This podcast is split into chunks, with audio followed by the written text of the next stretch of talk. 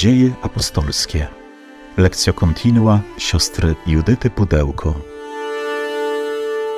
Moi drodzy, powracamy do naszego tekstu dziejów apostolskich. Będzie dziś bardzo szczególny moment, ponieważ zamkniemy sobie dziś pierwszy etap Kościoła, tej pierwotnej wspólnoty jerozolimskiej, która dziś w bardzo trudnych okolicznościach wyruszy w drogę. Więc moi drodzy, zobaczymy, że nie zawsze posłanie misyjne Kościoła jest słodką sielanką, radosnym, pięknym posłaniem, gdzie e, z radością w podskokach idzie się w kierunku kresów, krańców ziemi, żeby głosić Ewangelię. E, a może to być tak właśnie, że ta misja rozpoczyna się, tak jak mówi nam psalm, ci, którzy we łzach sieją, rządź będą w radości.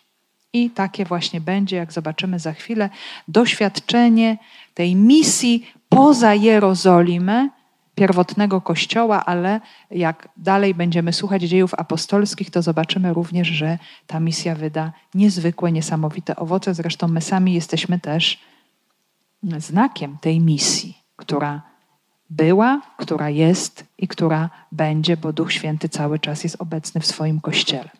E, teraz poprośmy o dar wyciszenia, skupienia, aby też to słowo, które nam pokaże obecność krzyża, obecność odrzucenia, ale też obecność niesamowitego świadectwa wewnątrz Kościoła, tego świadectwa, które nie jest możliwe dla zwykłego człowieka, które dokonuje w człowieku Duch Święty, prośmy, aby to słowo dzisiaj stało się dla nas owocne. Panie Jezu Chryste, uwielbiamy i błogosławimy Twoje imię. Ty jesteś obecny pośród nas, w tej wspólnocie, w tym słowie, które dla nas dziś przygotowałeś.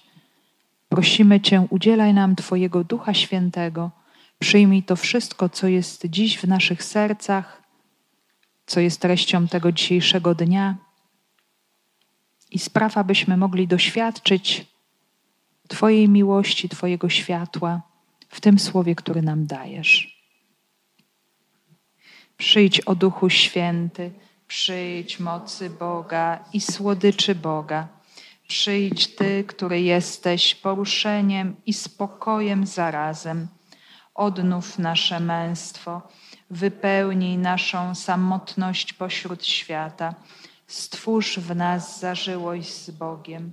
Przyjdź duchu z przebitego boku Chrystusa na krzyżu, przyjdź z ust zmartwychwstałego. Także dziś po raz ostatni y, przyglądamy się temu etapowi, już go kończymy. Już przeszliśmy dosyć dużą drogę. To jest, moi drodzy, 31 spotkanie z dziejami apostolskimi, czyli tak około 30 fragmentów, nie licząc tych początkowych, wprowadzających nas w samą księgę, e, prowadziło nas przez te pierwsze momenty rodzenia się Kościoła w Jerozolimie. E, teraz e, ten Kościół wyruszy w drogę. Przejdziemy do kolejnego punktu od Jerozolimy do Antiochii, ale o tym będziemy mówić jeszcze w naszych następnych spotkaniach. Natomiast dziś będzie tego początek, kiedy chrześcijanie po prostu będą zmuszeni do wyruszenia w drogę.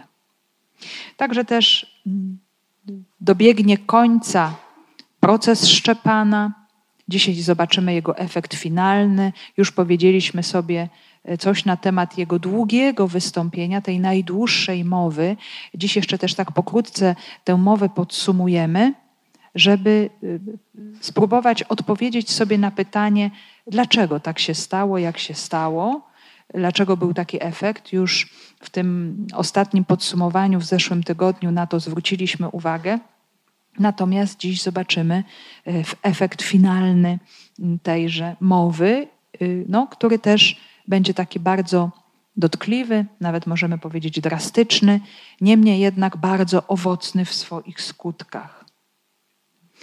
Y, w tym kontekście już pamiętamy, że głównym bohaterem jest Szczepan, jeden z siedmiu.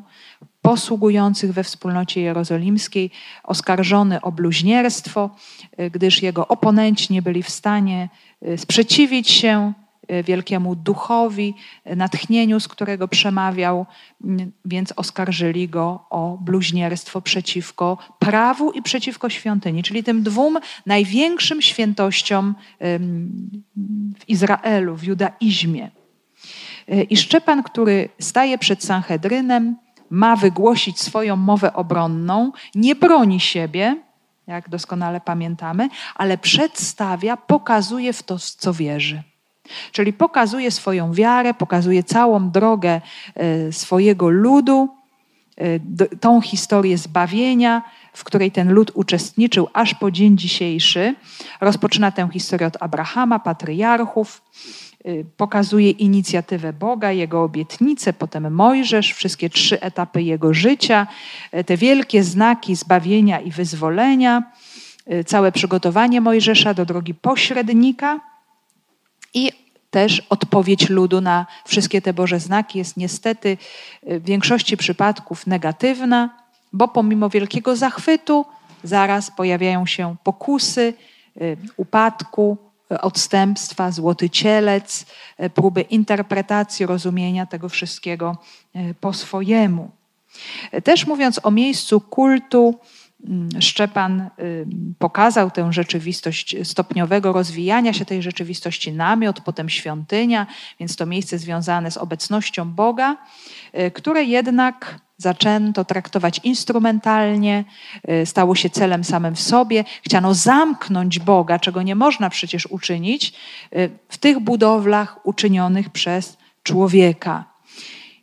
Także Szczepan zaatakowany jako bluźnierca w tych dwóch wymiarach prawa i kultu, odpowiada, pokazując coś zupełnie odwrotnego, że te dwa święte wymiary, prawo i kult dane Izraelowi, tak naprawdę zostały przez ten lud podeptane.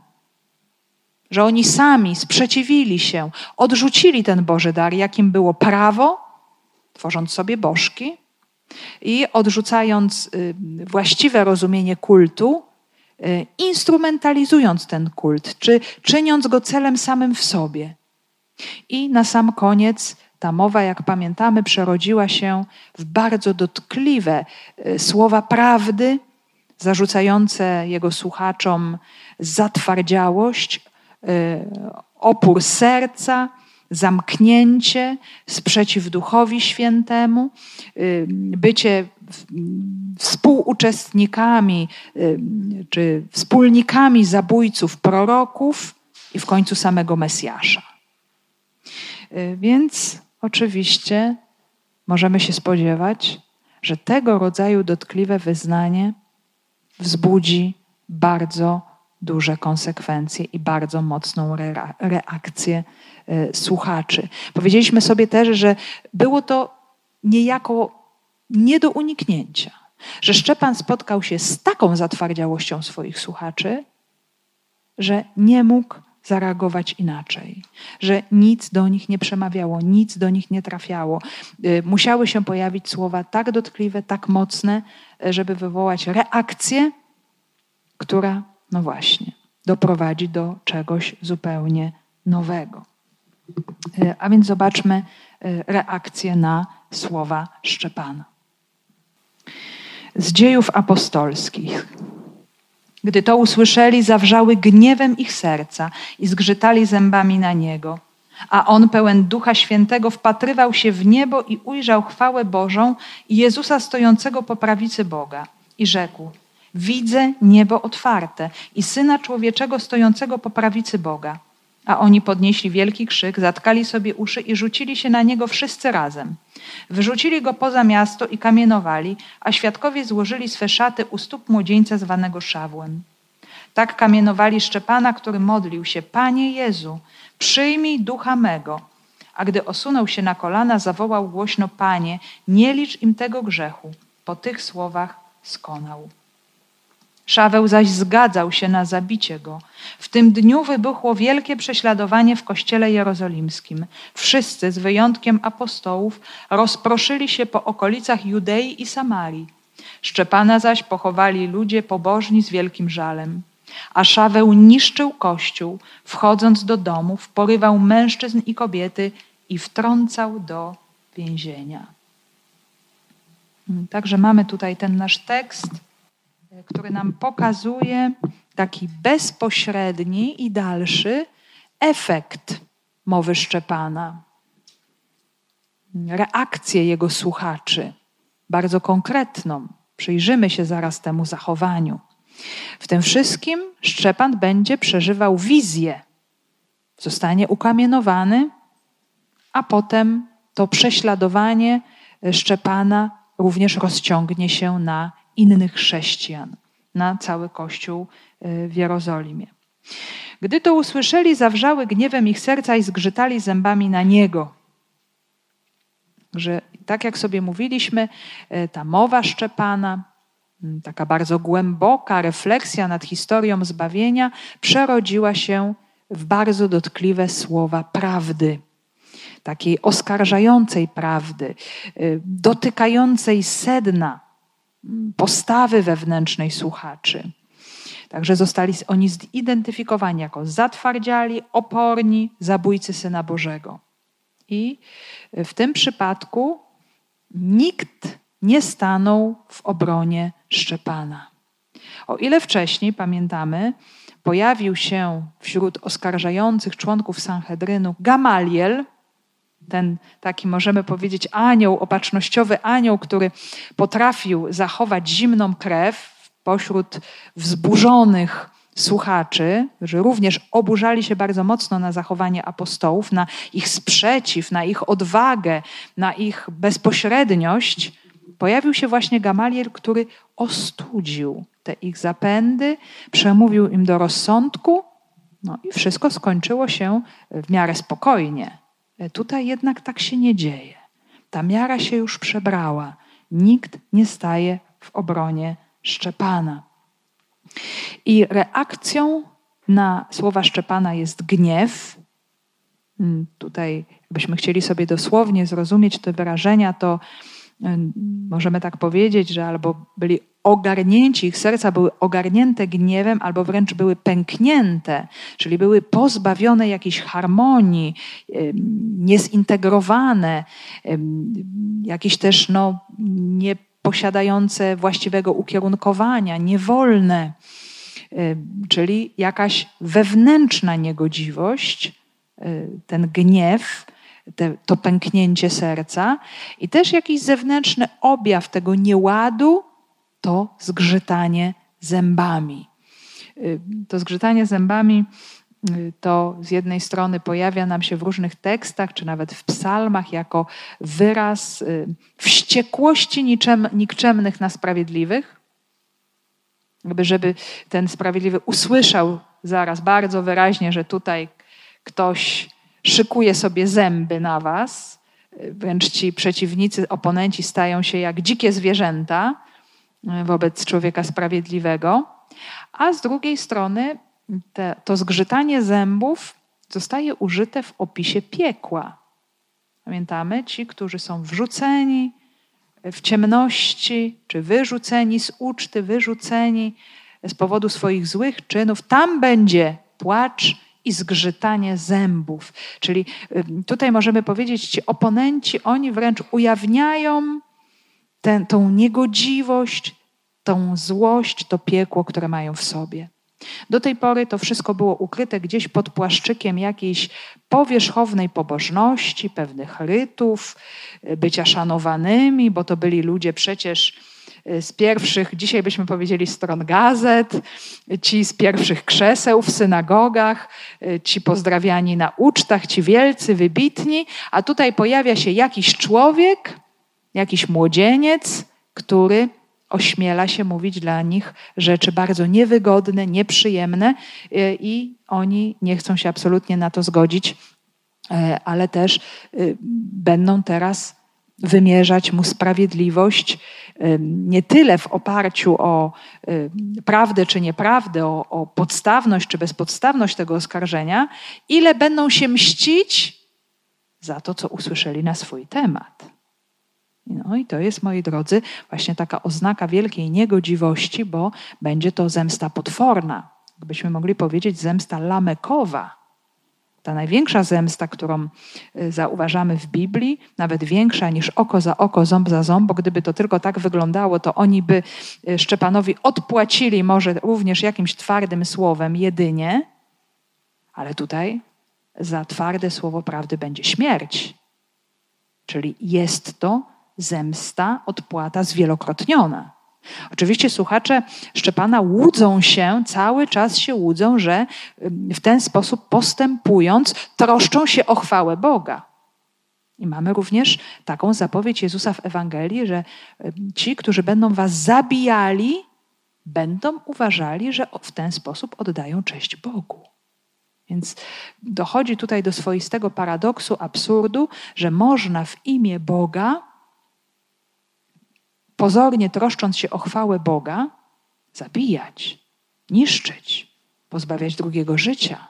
A tak naprawdę chodzi tylko i wyłącznie o urażoną dumę własną. No to właśnie, że się usłyszało to, czego by się wcale nie chciało słyszeć. Y, I mamy tutaj do czynienia ze swoistym paradoksem. Z absolutnie niezwykłym paradoksem, bo co na to Szczepan? Który może czuć się potwornie zagrożony. Na pewno nie był w sytuacji komfortowej, y, na pewno mógł się spodziewać najgorszego. On był sam jeden, ale czy rzeczywiście był sam jeden? A on pełen Ducha Świętego wpatrywał się w niebo i ujrzał chwałę Bożą i Jezusa stojącego po prawicy Boga. I Szczepan doświadcza wypełnienia się wszystkich obietnic Jezusa w swojej własnej osobie, w tej sytuacji. Że wtedy, kiedy dajesz świadectwo o Jezusie, kiedy wyznajesz swoją wiarę, to, to tego dokonuje przez ciebie Duch Święty. Jeszcze stając w sytuacji zagrożenia, że to może być użyte przeciwko tobie, że możesz za chwilę stracić życie, że możesz stracić no cokolwiek w twoim życiu, tym bardziej chrześcijanin doświadcza wypełnienia Duchem Świętym, a Duch Święty daje moc, daje siłę. Y, coś, czego człowiek nie ma sam z siebie. Więc Szczepan jest wypełniony Duchem Świętym, a Duch Święty to jest miłość łącząca Ojca i Syna, i dlatego w tej sytuacji Szczepan może zobaczyć to, czego normalny człowiek w sytuacji zagrożenia nie jest w stanie zobaczyć widzi otwarte niebo. Nie wiemy, jak to wyglądało, czy to była jakaś wizja duchowa, czy rzeczywiście oczyma ciała Szczepan po prostu y, miał też widzenie, wręcz zmysłowe, y, ale jest to na pewno efekt jego wiary. Ta wiara, ona daje zupełnie inne spojrzenie na rzeczywistość i zobaczmy, jest to niesamowitym znakiem tutaj w, w, tym słowie, niesamowitym świadectwem, co potrafi dać człowiekowi wiara, chrześcijaninowi w momencie zagrożenia. Stając w rzeczywistości nieomalże piekła, które zaraz y, będzie się starało go pochłonąć, odebrać mu życie. Szczepan ogląda niebo, ogląda Boga w perspektywie męczeństwa, które właśnie się zbliża. I teraz możemy powiedzieć coś, co jest obecne w życiu każdego świadka. Tego, który oddaje swoje życie. Mamy przecież bardzo wielu męczenników w kościele. Nie wszyscy byli w stanie opowiedzieć o tym, i nie u wszystkich było to zapisane. Widzę niebo otwarte ale możemy być pewni, że właśnie tak się dzieje. Że kiedy oni wchodzą w rzeczywistość oddawania swojego życia, natychmiast wręcz to nowe życie, które nie pochodzi od nich samych, ale pochodzi od Ducha Świętego, otwiera się nad nimi. Bo zobaczmy, oni y, cierpią, ale w łączności z Chrystusem. I Chrystus w tej sytuacji jest z nimi. I jest to bardzo wyraźny akcent, bardzo wyraźny znak. Zobaczcie y, tutaj przy tym pierwszym męczenniku, bo to jest pierwszy opis męczeństwa w historii Kościoła. I to jest taki opis modelowy. Po to, żeby każdy chrześcijanin, który y, dla imienia Jezusa doświadcza prześladowań, czy nawet wchodzi w śmierć, żeby wiedział, to jest właśnie tak. Ty doświadczasz zagrożenia, ale jednocześnie Bóg jest z Tobą. Jest z Tobą bardziej, jest bliżej Ciebie jesteś, niż jesteś w stanie to sobie nawet wyobrazić. I Szczepan nie szuka pomocy u ludzi, nie szuka kogoś, kto ocali jego życie, że się pojawi właśnie ktoś, kto go wyrwie z tego zagrożenia, kto powstrzyma ten rozjuszony tłum, który za chwilę się rzuci na niego. Zobaczmy, on nie prosi Jezusa, uchroń mnie przed tym cierpieniem, ale widzi tę prawdziwą pomoc, którą otrzymuje na ten moment dania świadectwa, na to męczeństwo, bo on jeszcze w tym momencie ma potwierdzić jeszcze raz to wszystko, co do tej pory powiedział, wyznając swoją wiarę w Jezusa Chrystusa. On ma wręcz teraz potwierdzić, że on to widzi, że on tego doświadcza. E, I otrzymuje właśnie tę moc dzięki tej obecności ducha i dzięki temu, co widzi. Tutaj jest wręcz użyte słowo, które wskazuje na wpatrywanie się w niebo, czyli utkwienie wzroku, czyli y, oczekiwanie pomocy właśnie stamtąd, czyli skierowanie serca właśnie tam. Tam jest cała nadzieja Szczepana. Tak samo wpatrywali się w niebo apostołowie po w niebo wstąpieniu. Kiedy Jezus, jak pamiętamy, tam odszedł i oni chcieli y, w tych wysokościach, w tych niebiosach gdzieś odczytać jakiś znak, co to wszystko ma dla nich znaczyć. Y, jak teraz ma wyglądać ich życie? I pamiętamy, że otrzymali odpowiedź, otrzymali orędzie od tajemniczych mężczyzn w lśniących szatach, od aniołów, którzy dali im bardzo konkretne wytyczne, co teraz mają robić, jak teraz mają żyć. Dali zapowiedź powrotu Jezusa. Czyli ta odpowiedź przychodzi dla tych ludzi, którzy wierzą. A przecież jeszcze zanim rozpoczęła się ta mowa Szczepana, y, kiedy został on przyprowadzony przez Sanhedryn, to samo słowo opisuje zachowanie członków Sanhedrynu, którzy wpatrując się w twarz Szczepana, widzieli jego oblicze podobne do oblicza anioła. Widzieli, a jednak nic nie zobaczyli. A jednak nic nie potrafili z tego zrozumieć. Dlaczego? Bo nie mieli wiary. No i właśnie to jest ta różnica, że Bóg może się objawiać w niezwykły sposób, w bardzo widoczny, w różnych sytuacjach, zdarzeniach, osobach, nawet y, sytuacjach czy znakach zupełnie nadzwyczajnych, i człowiek, który jest zamknięty, on tego Boga nie zobaczy. A człowiek, który ma wiarę, nawet w tak krytycznym momencie zobaczy obecność Boga. To jest właśnie ta siła wiary, tej wiary, która rodzi się ze słuchania tej wiary, którą Duch Święty rodzi w sercu człowieka, który słucha słowa. Szczepan, wygłaszając tę mowę, on jest wypełniony tym słowem Boga. Wypełniony również tą wiarą, że to słowo doprowadziło do przyjścia e, Syna Bożego, Jezusa Chrystusa, Zbawiciela. Ono się w nim wypełniło jest prawdziwe. Teraz to słowo dało mu taką wiarę, że może y, w sytuacji tak tragicznej mieć wizję otwartego nieba.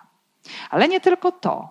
Ale nie tylko to, bo zobaczmy, y, że te słowa mm, dotyczące przedmiotu wizji, co on widzi, one są bardzo znaczące. Y, Szczepan widzi mm, i mówi to, co widzi. I rzekł: Widzę niebo otwarte i syna człowieczego stojącego po prawicy Boga. Nie wiadomo, jak to sobie wyobrazić, jak wygląda prawica Boga, który jest niewidzialny, syna człowieczego możemy sobie jeszcze jakoś wyobrazić, ale moi drodzy, nie chodzi tutaj o jakieś wyobrażenie, chodzi o to, czym są te słowa. Bo zobaczcie, jest to dokładne odzwierciedlenie procesu samego Jezusa Chrystusa, kiedy Jezus, stając przed Sanhedrynem, y, został zapytany: Jeśli Ty jesteś Mesjaszem, powiedz nam. Jezus odpowiedział: Jeśli wam powiem, nie uwierzycie mi, a jeśli was zapytam, nie dacie mi odpowiedzi. I dalej kontynuując, Jezus mówi: Lecz odtąd syn człowieczy siedzieć będzie po prawej stronie wszechmocy Bożej. Zawołali wszyscy: Więc ty jesteś synem Bożym? Odpowiedział im: Tak, ja nim jestem. A oni zawołali: Na co nam jeszcze potrzeba świadectwa? Sami przecież słyszeliśmy z ust Jego. To jest relacja właśnie świętego Łukasza i zobaczmy, jak bardzo te dwa obrazy są bliskie siebie. Jezus, który stoi wobec y, swoich sędziów i również jest w sytuacji zagrożenia życia i wie, że zaraz to życie straci, że zaraz będzie wydany przed sąd Piłata i zostanie poprowadzony na ukrzyżowanie, i w takim momencie daje świadectwo o swoim zwycięstwie, że ja jestem, ja zwyciężam, jestem po prawicy Boga Wszechmogącego. Więc za chwilę dokona się to moje wywyższenie. Ono już się w tym momencie dokonuje. Bo Bóg objawia swoje miłosierdzie, Bóg objawia swoją łaskę właśnie w tej rzeczywistości zbawiania człowieka. I to jest właśnie to, co wykazuje na tę niezwykłą, ogromną, nadzwyczajną siłę zwycięstwa Bożej miłości ponad wszelkim złem, ponad wszelkim grzechem. Tam, gdzie jest po ludzku wizja śmierci, tam Bóg już widzi życie i chwałę i zwycięstwo. I Jezus już wchodzi właśnie w tę rzeczywistość. I On to tutaj widzi, wyznaje. I zobaczmy, to samo mamy w przypadku Szczepana. Łukasz chce bardzo wyraźnie nam pokazać łączność tych dwóch rzeczywistości. Że to, co przeżywa w tym momencie Szczepan, pierwszy świadek, pierwszy męczennik, jest dokładnym zjednoczeniem się z losem Jezusa. E, także świadek wchodzi już prawie w śmierć i nie jest to śmierć z powodu jego samego, z powodu jakichś tam okoliczności, takich czy nie innych, jakiegoś kaprysu, tylko jest to śmierć z powodu imienia Jezusa. Ale ten Jezus jest już w chwale. On już jest uwielbiony. I y, tutaj wypełniły się bardzo dokładnie te słowa, które Jezus zapowiedział podczas mm, swojego procesu, że jest tym, który zasiada po prawicy Boga, i my wiemy, że to się dokonało w Jego zmartwychwstaniu, w Jego wniebowstąpieniu. Y, apostołowie to tego doświadczyli byli tego świadkami, widzieli wywyższenie Jezusa, kiedy wypełniły się w Jezusa te psa, słowa Psalmu 110: Siądź po mojej prawicy. Obejmij królowanie, obejmij panowanie. Co to znaczy siedzieć po prawicy Boga? Ta prawica Boga może nam sprawiać wielkie problemy, ale y, tak dzisiejszym językiem moglibyśmy powiedzieć: obejmij panowanie nad światem. Stałeś się najwyższym objawieniem Bożej miłości Bożego miłosierdzia, a tym, co panuje, tym, co zwycięża, to jest miłość. Tylko miłość może zwyciężyć zło, tylko dobro. A to w Jezusie objawiło się w pełny sposób. I on otrzymuje panowanie, chwałę i moc, y, aż do samej pełni, kiedy objawi się to y, już w tym ostatecznym Jego powrocie i objęciem panowania nad całym stworzeniem, kiedy na imię Jezusa zagnie się każde kolano. Ale teraz, kiedy zobaczmy Szczepan, ceni bardziej Jezusa Chrystusa i wiarę, aniżeli swoje własne ziemskie życie, to już w nim objawia się ta chwała. I już w nim objawia się to zwycięstwo. I również Szczepan przynależy właśnie do tego ciała, do ciała Jezusa, które zostaje wydane na śmierć i które otrzymuje chwałę. Zresztą zwróćmy uwagę, y, pojawi nam się tutaj w tym tekście aż trzy razy postać Szawła. Trzy razy będzie za chwilę wymienione jego imię, a potem przecież ten sam Szaweł usłyszy: Dlaczego ty mnie prześladujesz? Więc Szaweł, będąc obecny, zgadzając się na śmierć Szczepana, potem czynnie uczestnicząc w prześladowaniu wspólnoty chrześcijan, on uderzał w samego Jezusa. Czyli Jezus zidentyfikował się, zjednoczył się, zespolił się całkowicie ze Szczepanem w tym momencie. I potwierdza to właśnie ta obecność Ducha, obecność Ojca, obecność Syna cała Trójca Święta, Bóg potwierdza mm, tę wiarygodność Szczepana jako świadka.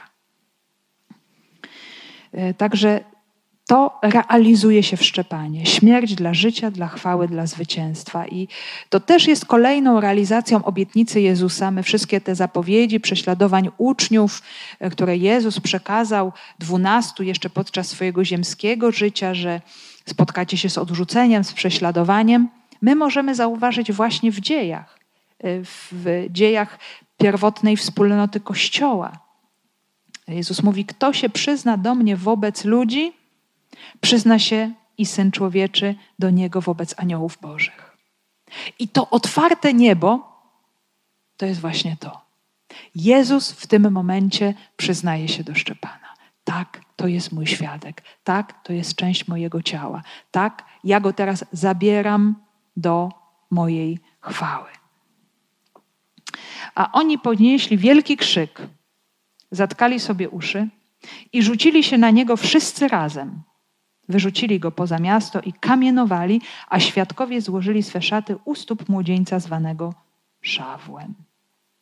I może być też tak, że na słowa o niebie, o chwale, o obecności Boga reakcja jest jeszcze bardziej zaciekła. Jest całkowite odrzucenie, agresja, przemoc, nienawiść. Jest krzyk. Krzyk, który ma zagłuszyć słowa prawdy. I to jest, moi drodzy, też siła grzechu w człowieku, bo to może być też tak, tutaj możemy powiedzieć, ta sytuacja jest taka y, bardzo jaskrawa, że z jednej strony mamy Szczepana, a z drugiej strony mamy Sanhedryn. Ale to może być też tak, że ta linia podziału przechodzi przez nasze serce. I może być w nas ta część tego Szczepana, która woła, wyznaje wiarę, przedziera się do tej wiary, szuka oparcia w Bożym Słowie i przyjmuje i nawet akceptuje to cierpienie ze względu na Królestwo Boże. Bo wie, że to jest droga chrześcijanina, bo moi drodzy, innej drogi nie będziemy mieć jako chrześcijanie. Taką samą drogę jak Jezus. Nie ma innej opcji. Jesteśmy częścią Jego ciała. Ale może być też w nas ta część tego Sanhedrynu, który będzie krzyczał na to, będzie zatykał sobie uszy na Boże Słowo. Ja nie chcę iść w ten sposób. Ja mam swoją wizję Boga, ja mam swoją wizję wiary, którą będę realizować po swojemu i nikt mi nie będzie nic mówił, co ja mam robić. I tak może być. Tak czasami może być w naszym życiu. Więc w naszym sercu może się dokonywać pewien proces nie? Może być ta walka. I kto zwycięży? Co zwycięży w moim sercu? Czy zwycięży Szczepan, czy zwycięży Sahedryn? Warto jest przyjrzeć się y, temu, jakie są moje reakcje na sytuacje trudne i na cierpienie. Bo to jest sprawdzian chrześcijanina. Bo moi drodzy, nie trzeba być wcale chrześcijaninem, żeby czynić dobro w tym świecie. I myślę, że wszyscy o tym bardzo dobrze wiemy.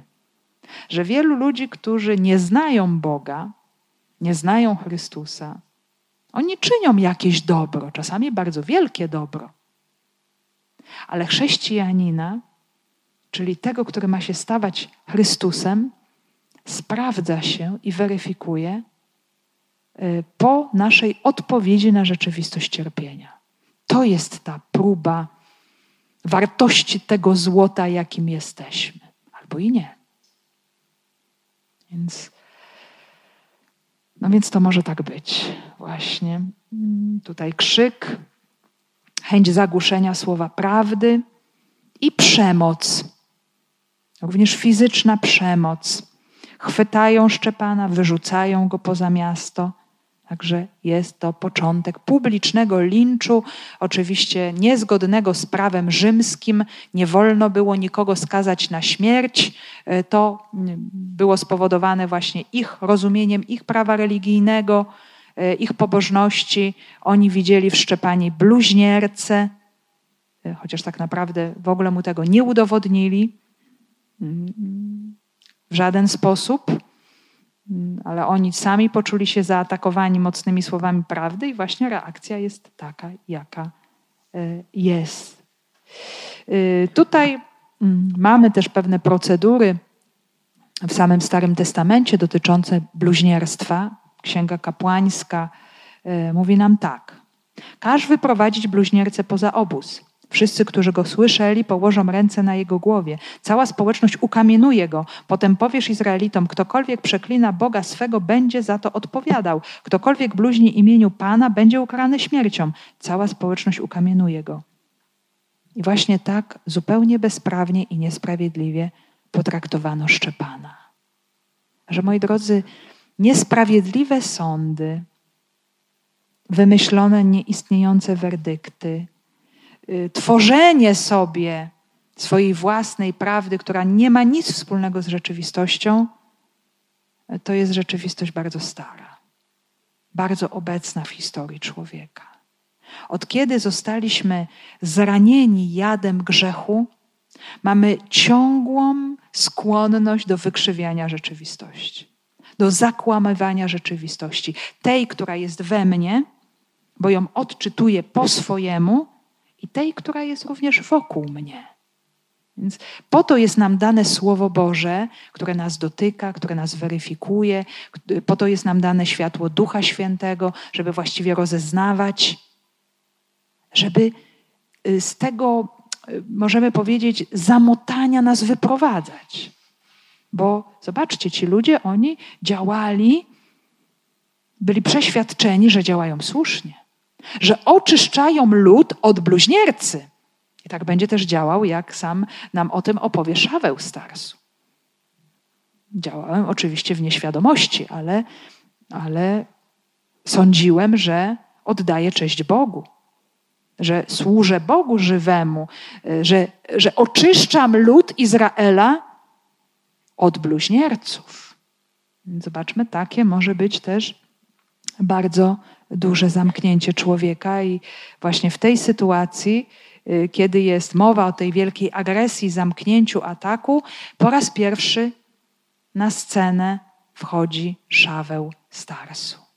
Poznajemy go właśnie w tych okolicznościach. Nie jest to przypadkiem, że tutaj w tej sytuacji y, tak dotkliwie opisanego męczeństwa, y, tak ogromnego zła, które jest wyrządzone Szczepanowi i potem dalej Kościołowi, pojawia się ten człowiek tak nienawidzący chrześcijan. Początkowo. Potem też wiemy, co się z nim stało, co się z nim stanie. Więc jest to, nie jest to przypadek, że to wszystko dzieje się właśnie w taki sposób. Bo to nam pokazuje swoisty paradoks tej sytuacji, że oto ten mordowany, ten zabijany może stać się powodem wybawienia i świętości, i łaski, i niesamowitej przemiany dla swoich oprawców. I tak się stanie. To jest też coś bardzo ewidentnie obecnego w chrześcijaństwie. Y, jest bardzo dużo takich legend pozabiblijnych, może słyszeliśmy o niektórych, w których chrześcijanie pierwszych wieków opisywali dzieje różnych oprawców Jezusa. No mamy tam i świętego Longinusa, który przebił jego bok, czy innych, którzy go krzyżowali, którzy w późniejszej historii doświadczyli niezwykłego nawrócenia i stali się męczennikami. To jest ten przedziwny paradoks miłości ukrzyżowanej, miłości Chrystusa wobec wrogów. Bo to jest sedno chrześcijaństwa. To jest coś, po czym można poznać chrześcijanina. Miłość nieprzyjaciół. Taka miłość, tak wielka, nie chodzi tu oczywiście o jakieś emocje, jakieś tkliwe uczucia, ale tak ogromne pragnienie dobra dla mojego wroga, że ono przemienia się w strumień łaski dla jego życia. I nie jest przypadkiem to, że Szczepan pojawia, że Szaweł pojawia się właśnie w tym momencie, w tym opowiadaniu. Tak kamienowali Szczepana, który modlił się: Panie Jezu, przyjmij ducha mego. A gdy osunął się na kolana, zawołał głośno: Panie, nie licz im tego grzechu. Po tych słowach wykonał. My mamy opisaną procedurę kamienowania. Jest ona oczywiście późniejsza, bo pochodzi z Miszny. To jest drugi, trzeci wiek po Chrystusie, najwcześniejsza część Talmudu, ale wszystkie te procedury tam zawarte, one są dużo wcześniejsze niż pozostałe nauczanie. Nie wiemy, czy kiedykolwiek te procedury były wprowadzone w życie, czy też nie, ale miało to wyglądać następująco. Skazanego miano wyprowadzić poza miasto, rozebrać go do naga, rzucić na ziemię.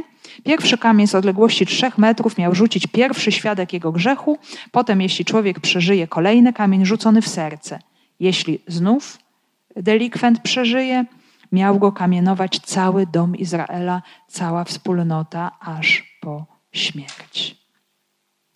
I tutaj nie wiemy, czy tak ta procedura wyglądała, bo w tym opisie nie ma żadnych reguł.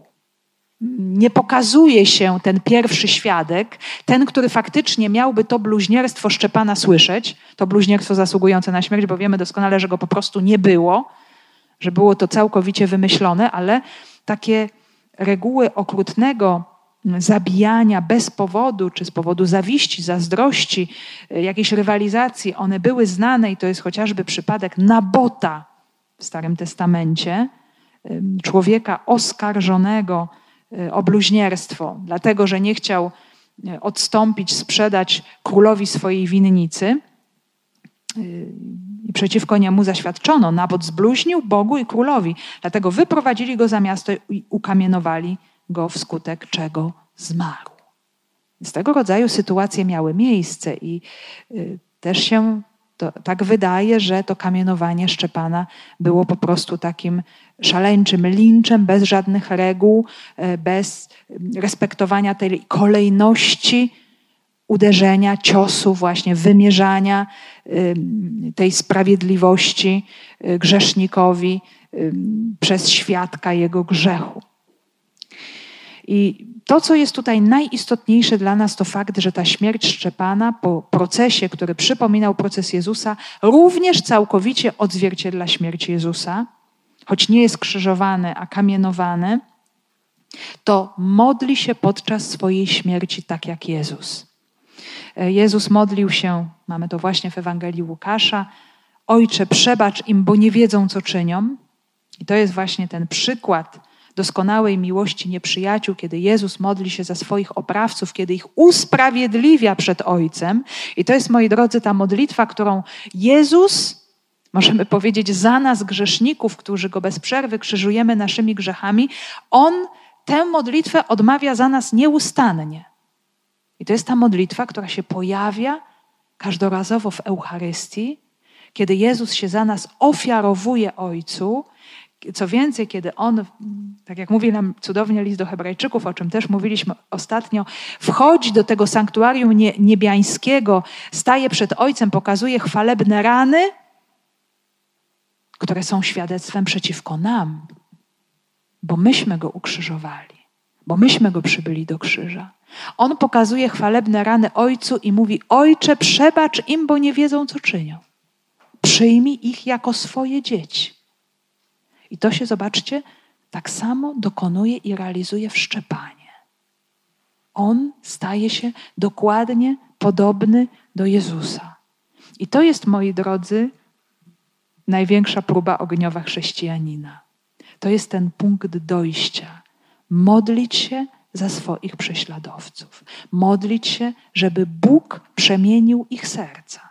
Czyli nie stać w tej, w, w tej postawie chęci odwetu, chęci zemsty. Dlaczego? Bo ona w rzeczywistości nic nie daje. Oczywiście mogą się w nas rodzić jakieś przeciwne uczucia, emocje, jakaś niechęć. Tutaj nikt nie mówi o emocjach, ale jest tutaj mowa o pewnym wyborze, o czynach. Kiedy w moim umyśle w ogóle rodzi się ta myśl że ja się zaczynam modlić, czy oddawać Bogu ludzi, którzy mnie krzywdzą, tak czy inaczej. Oczywiście czasami to mogą być bardzo małe rzeczy, mogą być rzeczy nie tak wielkie jak prześladowanie z powodu mojej wiary, czasami tak. Mogę być wyśmiewany, wyszydzany z tego powodu, że wyznaję wiarę, że jestem chrześcijaninem, ale czasami to mogą być zupełnie małe rzeczy, że ktoś się po prostu z czymś ze mną nie zgadza. I to jest dla mnie jakaś próba. Pan Bóg nam daje w cudzysłowie naszych wrogów, to mówi tradycja chrześcijańska i późniejsi ojcowie i pustyni i kościoła, po to, żeby nas zbawić tak naprawdę. Żeby się mogło objawić nasze chrześcijaństwo żeby się mogło objawić nasze podobieństwo do Niego. To jest niesamowicie wysoka półka w naszej drodze chrześcijańskiej. I zobaczmy, Szczepan, ten młodzieniec, może od niedawna chrześcijanin, on do tego dochodzi. I dlatego jest to tak dokładnie zapisane, żeby dla nas to było bardzo jasne, bardzo wzorcowe i bardzo wyraźne. I ostatnie słowa Jezusa: Ojcze, w Twoje ręce powierzam ducha mojego.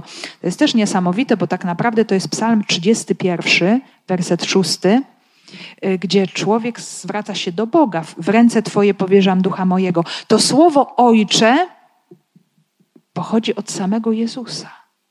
Czyli w tym najpotworniejszym momencie śmierci, potwornego, straszliwego cierpienia, Jezus odkrywa Boga jako Ojca. Nie jako kogoś, kto na niego właśnie tutaj zwalił ten los, to cierpienie, ale widzi i odkrywa Boga jako czułego, kochającego tatusia, któremu w tej sytuacji tak drastycznej się oddaje.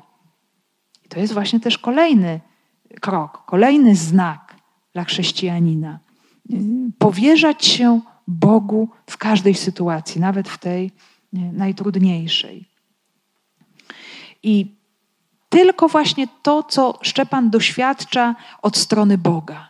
Właśnie ta wizja nieba otwartego, które już na niego czeka. Ta obecność Ducha Świętego w nim umożliwia również Szczepanowi wejść w tą postawę modlitwy za nieprzyjaciół, modlitwy za wrogów. Mm, czyli może na ten wrzask nienawiści, bo to jest wrzask, on również zawołał głośno. Wcześniej tylko się modlił. Nie jest powiedziane, że krzyczał: Panie Jezu, przyjmij ducha mego. Modlił się tak, żeby usłyszał to Jezus. Ale kiedy się modli o mm, łaskę dla swoich prześladowców, to krzyczy, to woła wielkim głosem. Tak jakby odpowiedzią na krzyk nienawiści oprawców jest krzyk miłości wobec nich E, błagania o przebaczenie ich grzechów, o przemianę ich serca. I jest to też niezwykła sprawa, bo tutaj, moi drodzy, mamy po raz pierwszy w dziejach apostolskich modlitwę skierowaną bezpośrednio do Jezusa. Do tej pory chrześcijanie modlili się do Boga w imię Pana Jezusa Chrystusa przez Jego osobę, przez Jego pośrednictwo. Wszystko było kierowane do Boga. W rzeczywistości męczeństwa Jezus jest odkrywany jako Bóg prawdziwy i to zjednoczenie jest tak wielkie właśnie z tajemnicą cierpiącego Syna Bożego, a jednak chwalebnego, że ta modlitwa płynie bezpośrednio do Niego, czyli to męczeństwo w pełni objawia Syna Bożego jako Boga. Jako tego, od którego pochodzi to życie, to zbawienie, ta siła y, i przeżycia tej rzeczywistości, wejścia w niebo i do tej odpowiedzi miłością na nienawiść. Szaweł zaś zgadzał się na zabicie go. W tym dniu wybuchło wielkie prześladowanie w kościele jerozolimskim. Wszyscy z wyjątkiem apostołów rozproszyli się po okolicach Judei i Samarii. I po raz drugi pojawia nam się to odniesienie do Szawła. Szaweł wcześniej był świadkiem linczu, był tym, który pilnował szat. Oczywiście oni kamienując zrzucili swoje płaszcze, czyli pewnie byli tylko w jakichś tunikach, żeby nie krępowały ich ruchów. Czyli on był świadkiem, był obecny. I teraz kolejne potwierdzenie dotyczące tego młodego faryzeusza to jego zgoda. Nie tylko obecność, ale już zgoda. Czyli e, Szaweł w tej swojej postawie przeciwnej chrześcijanom coraz bardziej się rozwija. E, także widzi w Szczepanie, widzi w chrześcijanach zagrożenie e, i sam też będzie o tym mówił. Przypomni, że rzeczywiście te słowa były prawdą i kiedy stanie przed swoim ludem, wyzna z ogromną szczerością, a kiedy przelewano krew Szczepana, Twego świadka, byłem przy tym i zgadzałem się i pilnowałem szat jego zabójców. Czyli wyznaje ten grzech przeciwko Chrystusowi, przeciwko Kościołowi. E, ale nie skończyło się na Szczepanie. To, co się rozpoczęło wraz z Szczepanem, moi drodzy, to już jest rzeczywistość, która trwa. E, widzieliśmy wcześniej oczywiście te momenty pewnych napięć, e, wytworzonych przez świadectwo apostołów, niechęci, odrzucenia, konfliktu, który narasta, ale jeszcze nie było wcześniej takiego finału tej niechęci, tego konfliktu i, i tych problemów pomiędzy chrześcijanami i władzami synagogi. Teraz już doszliśmy do takiej granicy, od której już nie ma odwrotu.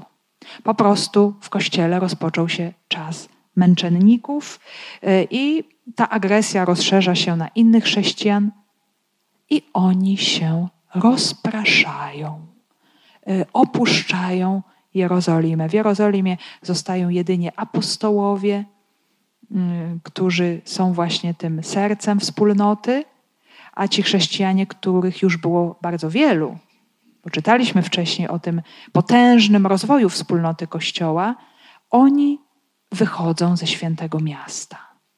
Y, tutaj Łukasz mówi, że mm, są w okolicach Judei i Samarii. Jest to bardzo znaczące, bo to są te pierwsze dwa etapy y, świadectwa zapowiedziane dla uczniów przez Jezusa. Będziecie moimi świadkami w Jerozolimie. Już tak się stało już Szczepan zaświadczył, aż po przelanie krwi. W Judei, w Samarii, no jeszcze zostaje aż po krańce ziemi, co nastąpi niebawem. Więc zobaczmy, jak to się dzieje niezwykle, że mm, to, co było ogromną przeszkodą, to, co wydawało się być początkiem końca tej wspólnoty, zniszczeniem tej wspólnoty, staje się początkiem nowym początkiem. Bo chrześcijanie będą głosić w drodze słowo, będziemy o tym zaraz słyszeć, jakie się będą działy cuda i znaki, jak ludzie się będą masowo nawracać, y, no rozpocznie się zupełnie nowa era we wspólnocie jerozolimskiej.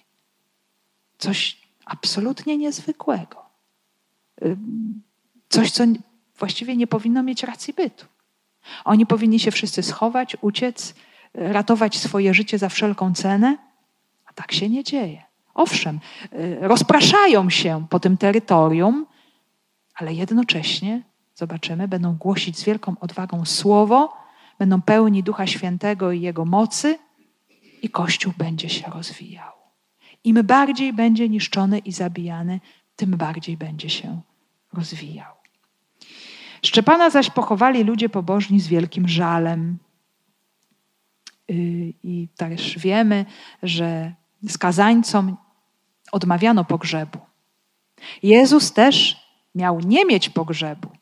On powinien był skończyć właśnie w jakimś wspólnym grobie dla skazańców, w jakiejś cysternie, w jakimś dole, ale wiemy, że opatrznościowo pojawił się Józef z Arymatei, który wypożyczył Jezusowi swój grób. On jeszcze wprawdzie wtedy nie wiedział, że to tylko będzie na chwilę. Chciał Jezusowi ten swój grób odstąpić i dzięki temu, że on się właśnie znalazł w odpowiednim momencie, w odpowiednim czasie, z odpowiednią odwagą, Jezus miał pogrzeb nawet wspaniały i królewski.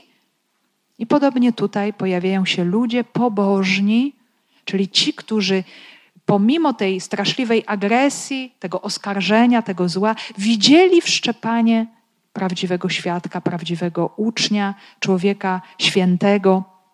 Yy, zresztą dla Y, zobaczcie, Łukasza, człowiek pobożny, to między innymi y, Symeon, starzec Symeon jest nazwany człowiekiem pobożnym z Jerozolimy. I co Symeon widział? w maleńkim Jezusie Mesjasza i Syna Bożego. Też widział więcej w sposób profetyczny, niezwykły. I tak samo też ci anonimowi ludzie pobożni widzieli w Szczepanie coś więcej i pochowali go z wielkim żalem. Szaweł, a Szaweł niszczył kościół, wchodząc do domów, porywał mężczyzn i kobiety i wtrącał do więzienia. I mamy tutaj trzecie wspomnienie o Szawle, który na początku był biernym obserwatorem, potem wyrażał swoją zgodę na prześladowanie, a teraz mamy kolejny etap. Szaweł w sposób czynny prześladuje, w sposób czynny niszczy Kościół, i działa w sposób okrutny, bezwzględny, nie liczy się z niczym, wpada do domów, tam gdzie mieli być chrześcijanie, tam gdzie się pewnie gromadzili na łamanie chleba, ci, którzy zostali w Jerozolimie, może też krążył po okolicy, bo usłyszymy niebawem, że uda się nawet do Damaszku, żeby tam znaleźć chrześcijan podlegających jurysdykcji arcykapłana w Jerozolimie, żeby ich zniszczyć. Więc nie działał tylko na terytorium Jerozolimy, ale również i dalej. To nam pokazuje oczywiście, że chrześcijanie byli wtedy częścią wspólnoty żydowskiej. Podlegali arcykapłanowi. Nie byli jakąś samoistną wspólnotą. I Szaweł czuł się odpowiedzialny za tę herezję, która się szerzy. Chciał oczyścić. Działał w dobrej wierze, ale w ogromnie bezwzględny, okrutny sposób. Jednak, tak już konkludując, musimy na to zwrócić uwagę, że wszystko to, co się dzieje, zostało wpisane w niesamowicie mądry, opatrznościowy plan Boga. I wszystko dzieje się tak dlatego, że zawsze, moi drodzy, y, to, do czego wzywa Jezus, Jego droga zbawienia, będzie odrzucona przez rzeczywistość grzechu. Czyli tej siły, która w człowieku odrzuca Boga. Może być to taka siła, która odrzuca Boga wprost, że się określa, ja odrzucam Boga, ja nie chcę mieć z Nim nic wspólnego, to co my nazywamy ateizmem wojującym, ale może być też taka siła, która odrzuca tego Boga nie wprost, pod pozorem. Czyli zobaczcie, Szczepana zabili ludzie bardzo pobożni, bardzo religijni, wręcz uznający się za najbardziej pobożnych ludzi. Uczynili to w imię Boga, żeby oddać mu cześć, żeby oczyścić lud z bluźniercy. Zobaczmy, to jest ogromna przestroga. Ogromna przestroga, że można e, uznawać się za człowieka wierzącego, tak jak mówiliśmy sobie ostatnio, a być e, też bardzo zamkniętym na Boże Słowo, e, uważać siebie za ostateczną wyrocznię, za kogoś, kto najlepiej zna Boga i Jego wolę, Jego sposób działania i wyrażać te w sposób bardzo bezwzględny. Ale Bóg potrafi z tego wyprowadzić dobro. I na tym polega wszechmoc Pana Boga. Że nawet jeżeli On dopuszcza zło, bo daje człowiekowi wolność, to jednak ma również tę moc, której nie ma żaden człowiek, wyprowadzić z tego dobro. I tym dobrem wyprowadzonym jest oczywiście misja Kościoła, jest to, że ta wiara, Duch Święty dociera dalej być może dalej chrześcijanie by siedzieli w Jerozolimie i by się cieszyli tym, że już wypełnili całą Jerozolimę, że już praktycznie nie ma prawie dla nich miejsca, że już chodzą po dachach Jerozolimy, bo już nie mogą się w niej pomieścić. Dalej by w niej siedzieli. A ta sytuacja doprowadziła do misji, do głoszenia. A co więcej, pojawi się też wielkie dobro, bo zostanie nawrócony Szaweł. Również dzięki tej ofierze i tej modlitwie Szczepana. E, Panie, nie poczytaj im tego grzechu. I dzięki tej modlitwie, zjednoczonej z modlitwą Jezusa, ta łaska y, pojawi się i zwycięży w sercu Szawła, e, a Kościół, jak wszedł na drogę świadectwa wyznaczonego przez Jezusa, y, wszedł na drogę Jego męki i śmierci y, i również zmartwychwstania, tak idzie tą drogą cały czas. I to jest nasza droga. Innej drogi nie będzie. Albo prześladowanie wprost, albo prześladowanie nie wprost, ale jeżeli ktoś jest chrześcijaninem i daje świadectwo, to zawsze z tym prześladowaniem prędzej czy później się zetknie. Także zatrzymamy się tutaj w tym miejscu. Zobaczymy dalej już w następnym roku, jak Kościół będzie się rozwijał w Duchu Świętym, y, jak Duch Święty niezwykle będzie go prowadził i co zrobi. Także oni sami będą się bardzo dziwili temu wszystkiemu, co zobaczą na swoje własne oczy, i my również jesteśmy zaproszeni do tego, żeby to poznawać i żeby to spełniało się w naszym życiu.